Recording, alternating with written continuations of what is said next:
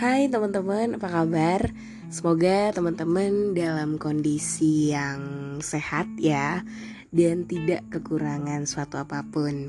Mengingat kita memang masih dalam masa menuju Bukan menuju sih ya Udah berada di tahap new normal. Dan banyak sekali beberapa kegiatan atau aktivitas yang bisa kita lakukan di luar tanpa ada lagi uh, banyak uh, peraturan-peraturan. Tapi tetap aja sih walaupun kita sudah agak sebebas itu tidak membuat kita untuk lupa untuk selalu menjaga kesehatan diri kita. Karena dengan menjaga kesehatan diri itu akan membuat kita uh, menjadi lebih baik ya dalam menghadapi atau menjalani yang namanya kehidupan. Kalau misalnya mental kita nggak sehat ya, khususnya diri kita pribadi, itu akan membuat kita akan menjadi terganggu. Apalagi setelah dua tahun kita berada di dalam situasi lockdown, itu pasti membuat kita uh, bosan, kemudian membuat kita apa ya membuat kita tidak tahu apa sih yang harus saya lakukan ke depannya gitu. Atau mungkin kemungkinan terjadi juga setelah dua tahun kita lockdown itu membuat kita malah menjadi kita drop ya. Ini untuk adjust lagi keluar itu kan agak susah ya apalagi buat teman-teman yang kemarin mungkin sempat merasa terpuruk dan sampai saat ini belum bisa atau belum ada penyelesaiannya dalam menyelesaikan masalah di dalam diri, khususnya dalam kesehatan mental. Dan teman-teman mungkin uh, pasti tahu ya, informasi udah dapat banyak banget di beberapa uh, media sosial bahwa banyak sekali ya orang-orang saat ini mengalami yang namanya masalah uh, kesehatan mental. Dan seperti yang saya bicarakan beberapa waktu yang lalu dengan narasumber saya bahwa memang saat ini banyak orang yang menjadikan media sosial itu sebagai wadah untuk tempat berkeluh kesah, untuk tempat menunjukkan kalau dia itu sedang uh, sedang dalam ketidak baikan ya atau in a good uh, istilahnya tuh dalam apa ya uh, kondisi kesehatannya tuh lagi kayak gini. Ada juga yang mengatakan bahwa dia ya sebagian besar juga orang itu kayaknya bangga atau senang atau memang caranya seperti itu ya untuk menunjukkan di media sosial kalau dia itu sedang sedih, kalau dia itu sedang depresi, padahal sebenarnya dengan kita bicara seperti itu menunjukkan tingkat kualitas pengetahuan diri kita sendiri atau uh, istilah mudanya itulah menunjukkan kualitas diri kita. Dan gak mau kan kalau kualitas kita terlihat lebih low padahal kita itu sebenarnya uh, sekolah. Padahal kita dalam tingkat mungkin di dalam berada di dunia akademisi. Ya even though uh, saya tahu memang media sosial itu menjadi tempat curahan kita ya. Kita ingin uh, show about uh, our life atau kehidupan kita ingin menunjukkan bahwa aku tuh seperti ini. Tapi at least yang seperti itu tuh cara yang kurang elegan. Karena kenapa? Karena sebenarnya kita pun melihat seperti ini nih karena dari mostly itu dari public figure. Dan public figure itu sendiri uh, menurut saya sebagian besar juga hmm, tidak perlu ya memahami uh, kurang uh, kurang dalam uh, etik uh, especially in education.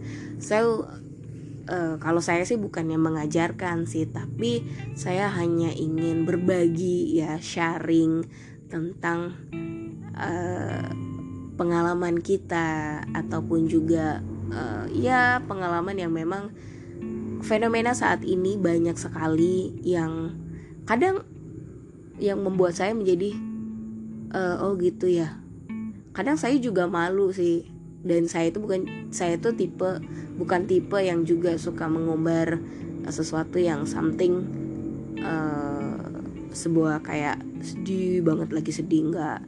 Tapi saya juga pernah kok uh, update tentang uh, status atau apa. Tapi memang yang sewajarnya aja cuman kan sekarang ini orang malah uh, dengan memanfaatkan platform kayak IG itu dengan membuat sebuah video dengan membuat sebenarnya itu bagus sih karena uh, secara tidak langsung itu mengajarkan kita kalau dalam dunia public speaking itu mengajarkan kita untuk melatih kita dalam uh, berbicara karena setidaknya itu tidak membuat kita menjadi kaku.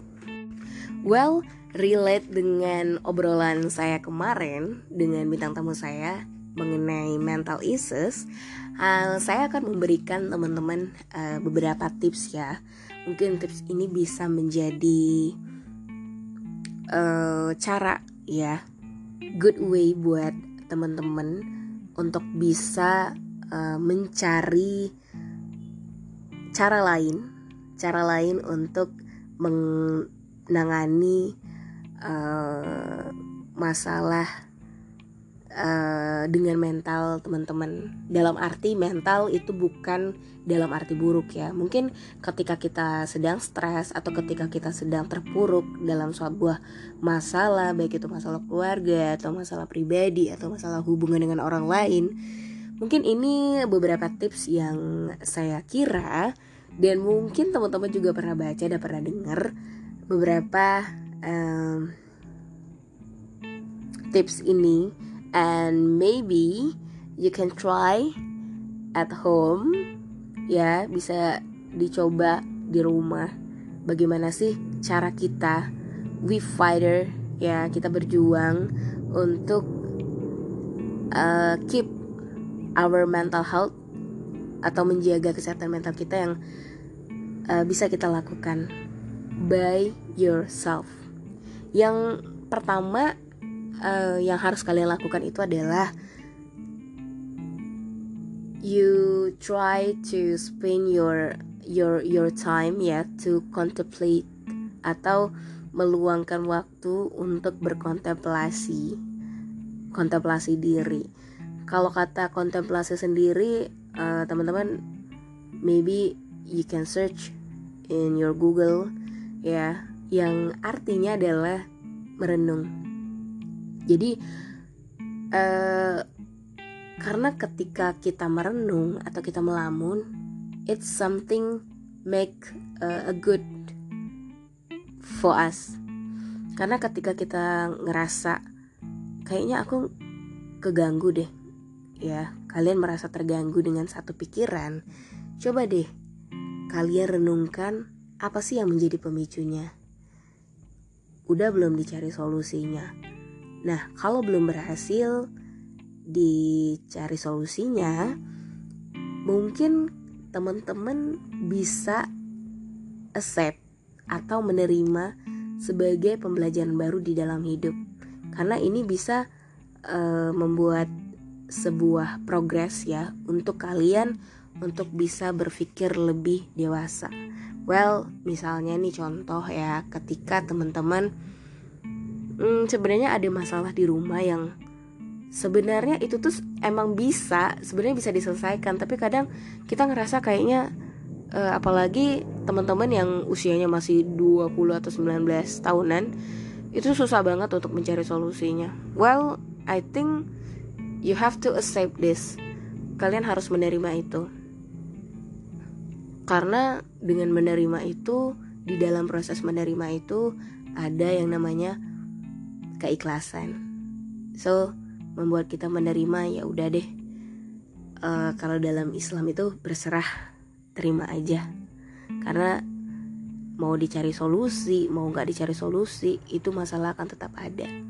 So jadi meluangkan waktu untuk berkontemplasi diri itu penting banget teman-teman dan bisa membuat kalian menjaga kesehatan mental tidak membuat kalian stres. Karena ketika kita ber, sudah berkontemplasi diri kita menerima tentu rasa stres atau rasa dorongan yang ada di dalam hati atau emosi itu akan terendam dengan cara kita menerima masalah tersebut.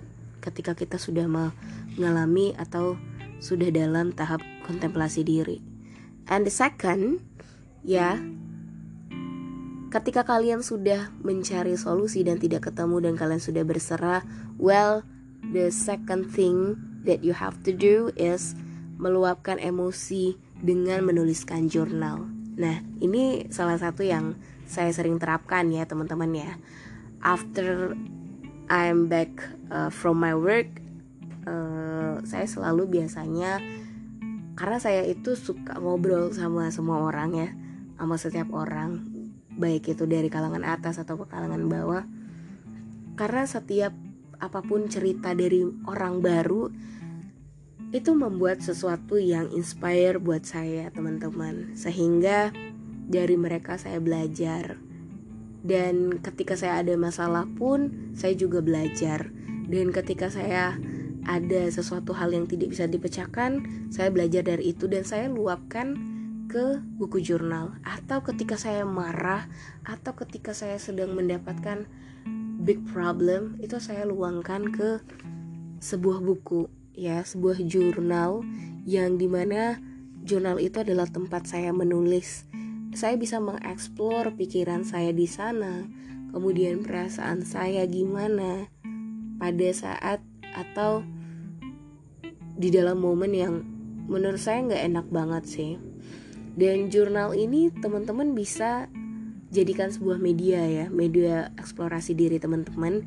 Kalau misalnya teman-teman lakukannya setiap hari konsisten. At least ini juga akan menambah uh, kekuatan menambah penguasaan vocabulary um, teman-teman karena dengan kita meluapkan kata-kata itu pasti ada kata-kata baru ya. Jadi jurnal yang kamu buat itu bisa kamu baca teman-teman. Bisa kamu tulis dan pasti ketika emosi sudah kamu emosi kamu sudah kamu luapkan di dalam sebuah tulisan well uh, garanti sih pasti lega setelah kamu meluapkan emosi kamu di jurnal and yang ketiga teman-teman kamu juga harus tahu nih teman-teman ya. Untuk menjaga kesehatan mental itu juga kamu harus tahu batasan kapan kamu butuh rehat kapan kamu butuh istirahat ya. You need to take rest. Jadi sometimes we often uh, forget about our time. Jadi kita tuh lebih su kita tuh suka banget ya uh, lupa waktu ketika kita terlalu sibuk bekerja atau kita terlalu sibuk mengerjakan tugas kuliah. Sampai akhirnya kita tuh nggak sadar teman-teman kalau kita tuh sebenarnya punya kapasitas diri di dalam mengerjakannya. Ya karena ketika kita mengerjakan pekerjaan yang sebenarnya kita tuh udah harus istirahat tapi kita harus lagi kerjain kerjain ya istilah anak sekarang tuh ya nanggung lah dikit lagi nanggung lah dikit lagi. Itu kan sampai berarti kalian lupa bahwa sebenarnya tubuh kita ini juga butuh yang namanya istirahat. Jadi selain fisik teman-teman ketika fisik kalian capek mental pun juga bakal ikut. Ya ikut terbawa. So mental pun juga harus butuh rehat teman-teman ya. Karena setelah kalian uh, gunakan untuk uh, berpikir ya dipakai terus untuk berpikir. Jadi mental pun juga harus diistirahatkan. Biar ketika mental kita in a good way itu akan membangun mood kita lagi uh, lebih baik ya. Lebih baik um, dalam bekerja nantinya atau baik dalam ketika kita bangun pagi. So after work, don't forget ya untuk sleep atau tidur dan mungkin teman-teman juga bisa mendengarkan lagu atau musik instrumen terapi ya yang kamu senang. Itu bisa merecharge energi teman-teman. Baik itu energi jiwa dan raga. Dan yang keempat teman-teman, uh, you always remember ya that you have a support system. Jadi teman-teman jangan lupa kalau ketika kalian menghadapi masalah, you are not alone kalau kata Michael Jackson. Karena kita kan punya keluarga ya. Kita punya teman kita punya sahabat. Dan itu menjadi support system kita uh, untuk kita menjalani hidup teman-teman. Jadi meminta bantuan orang lain itu bukan berarti teman-teman lemah pasti teman-teman punya teman yang mendukung ya mendukung teman-teman di kala susah ataupun senang. Tapi kalau misalnya temen yang cuman maunya seneng doang, ya stay away from him. Dan bisa jadi teman-teman ya, uh, support system itu bisa menjadi tempat untuk kamu bercerita. Karena ya iyalah kita nggak mungkin uh, nggak butuh yang namanya support system. Karena dengan adanya butuh support system itu itu akan membuat kita memberikan dukungan dan solusinya tuh bakal ketemu kalau kita ada masalah dan kita didukung sama support system. Ya tapi nggak hanya teman ya tapi the first uh, support system itu adalah keluarga sih menurut aku jadi atau sekarang juga banyak sih sebenarnya komunitas-komunitas ya yang bersama-sama psikiater yang biasanya itu bisa jadi tempat alternatif untuk teman-teman menenangkan pikiran. Ya mungkin teman-teman ada yang nggak cocok sama keluarga, ya mungkin ke tempat lain deh. Jadi mau kalian mungkin kalian ada masalah di dalam internal kalian dan kalian harus mencari di eksternal atau mencari di luar, ya itu nggak apa-apa sih selagi kalian memiliki support system. Tapi support system yang pertama itu sih saran ya itu adalah keluarga. Karena keluarga yang tahu kita, bagaimana kita dalam menghadapi problem atau masalah-masalah. So, saya rasa keluarga adalah support system yang utama dalam menjaga kesehatan mental. Tapi bagaimana ya kalau dengan keluarga yang memang uh, maaf uh, sudah ada masalah ya?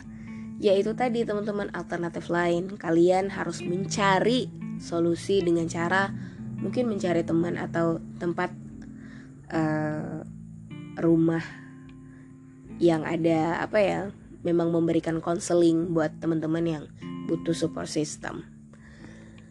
Um, yang terakhir teman-teman ya. Menjauhkan hal-hal yang bisa mengganggu kesehatan mental. This is the first important for you. Karena inilah hal yang banyak sekali ya uh, bisa membuat mental kita terganggu adalah platform platform atau media sosial karena terkadang saya sendiri pun juga merasa ya media sosial itu bisa menjadi sumber yang bisa membuat kita tertekan, teman-teman. Sebenarnya kalau kita mau menjadikan media sosial itu positif ya bisa banget. Cuman kan ada beberapa orang yang maaf ngomong sih ketika kita follow orang orang itu negatif ya. Atau ketika kita melihat oh, kebahagiaan orang lain itu kan membuat jadi uh, iri dengki gitu. Tapi jangan ya. So um, kalau kalian ngerasa bahwa aduh sebenarnya kenapa ya setiap aku lihat media sosial aku tuh ngerasa melihat kesusahan orang atau ngelihat orang tuh lagi bahagia aku tuh kayaknya ngerasa tertekan deh. Kayaknya enak banget deh jadi orang ini. Itu kan menjadi ini ya mengganggu mengganggu kesehatan mental juga teman-teman secara tidak langsung. So maybe you can limit atau membatasi ya apa sih yang kamu lihat di sosial media. So kalau misalnya menurut kamu itu nggak baik buat kamu ya stop. Atau ya bukannya berhenti juga sih dari media sosial tapi paling enggak you check tuh cuman bisa seminggu tuh sekali atau dua kali aja. Yang lainnya nggak usah dilihat-lihat uh, gitu. Ya pokoknya dibatasin sih teman-teman supaya kamu um, lebih happy lebih senang nggak ribet nggak terlalu memikirkan urusan orang. Karena sebenarnya uh, mereka seperti itu juga ada proses yang mereka lalui ya teman-teman ya. Ya kalau kayak gitu kan bukan berarti kamu benci tapi membatasi kamu agar kamu lebih terjaga mentalnya gitu. Kalau misalnya kamu nggak bisa hmm, kayak gitu ya kamu harus mencoba untuk jauh-jauh dari yang namanya sifat iri atau dengki atau sesuatu hal yang bisa membuat kamu menjadi rendah diri karena ketika itu terjadi pasti mental kamu uh, ke distract dan pastinya akan mengalami depresi. So teman-teman, kalau kita bicara tentang isu kesehatan mental di Indonesia, memang masih uh, dianggap tabu juga ya, atau uh, masih dianggap dan dibicarakan di ruang publik. Dan akibatnya memang banyak juga nih teman-teman para penderita gangguan kesehatan mental. Di Indonesia ini memang kurang mendapatkan penanganan yang layak. Tapi perlu ya dengan uh, seseorang yang mengalami gangguan mental itu perlu banget untuk mendapatkan penanganan dan dukungan yang tepat dari seluruh pihak. Ya kita juga nggak mau ya kita punya ada masalah seperti ini. Tapi yang jelas kita punya beberapa alternatif agar kita bisa membatasi agar kita bisa terjaga dari yang namanya kesehatan mental. So teman-teman semoga bermanfaat. Keep in touch my podcast communication story. Well kita ketemu di next episode. Saya pamit. Bye bye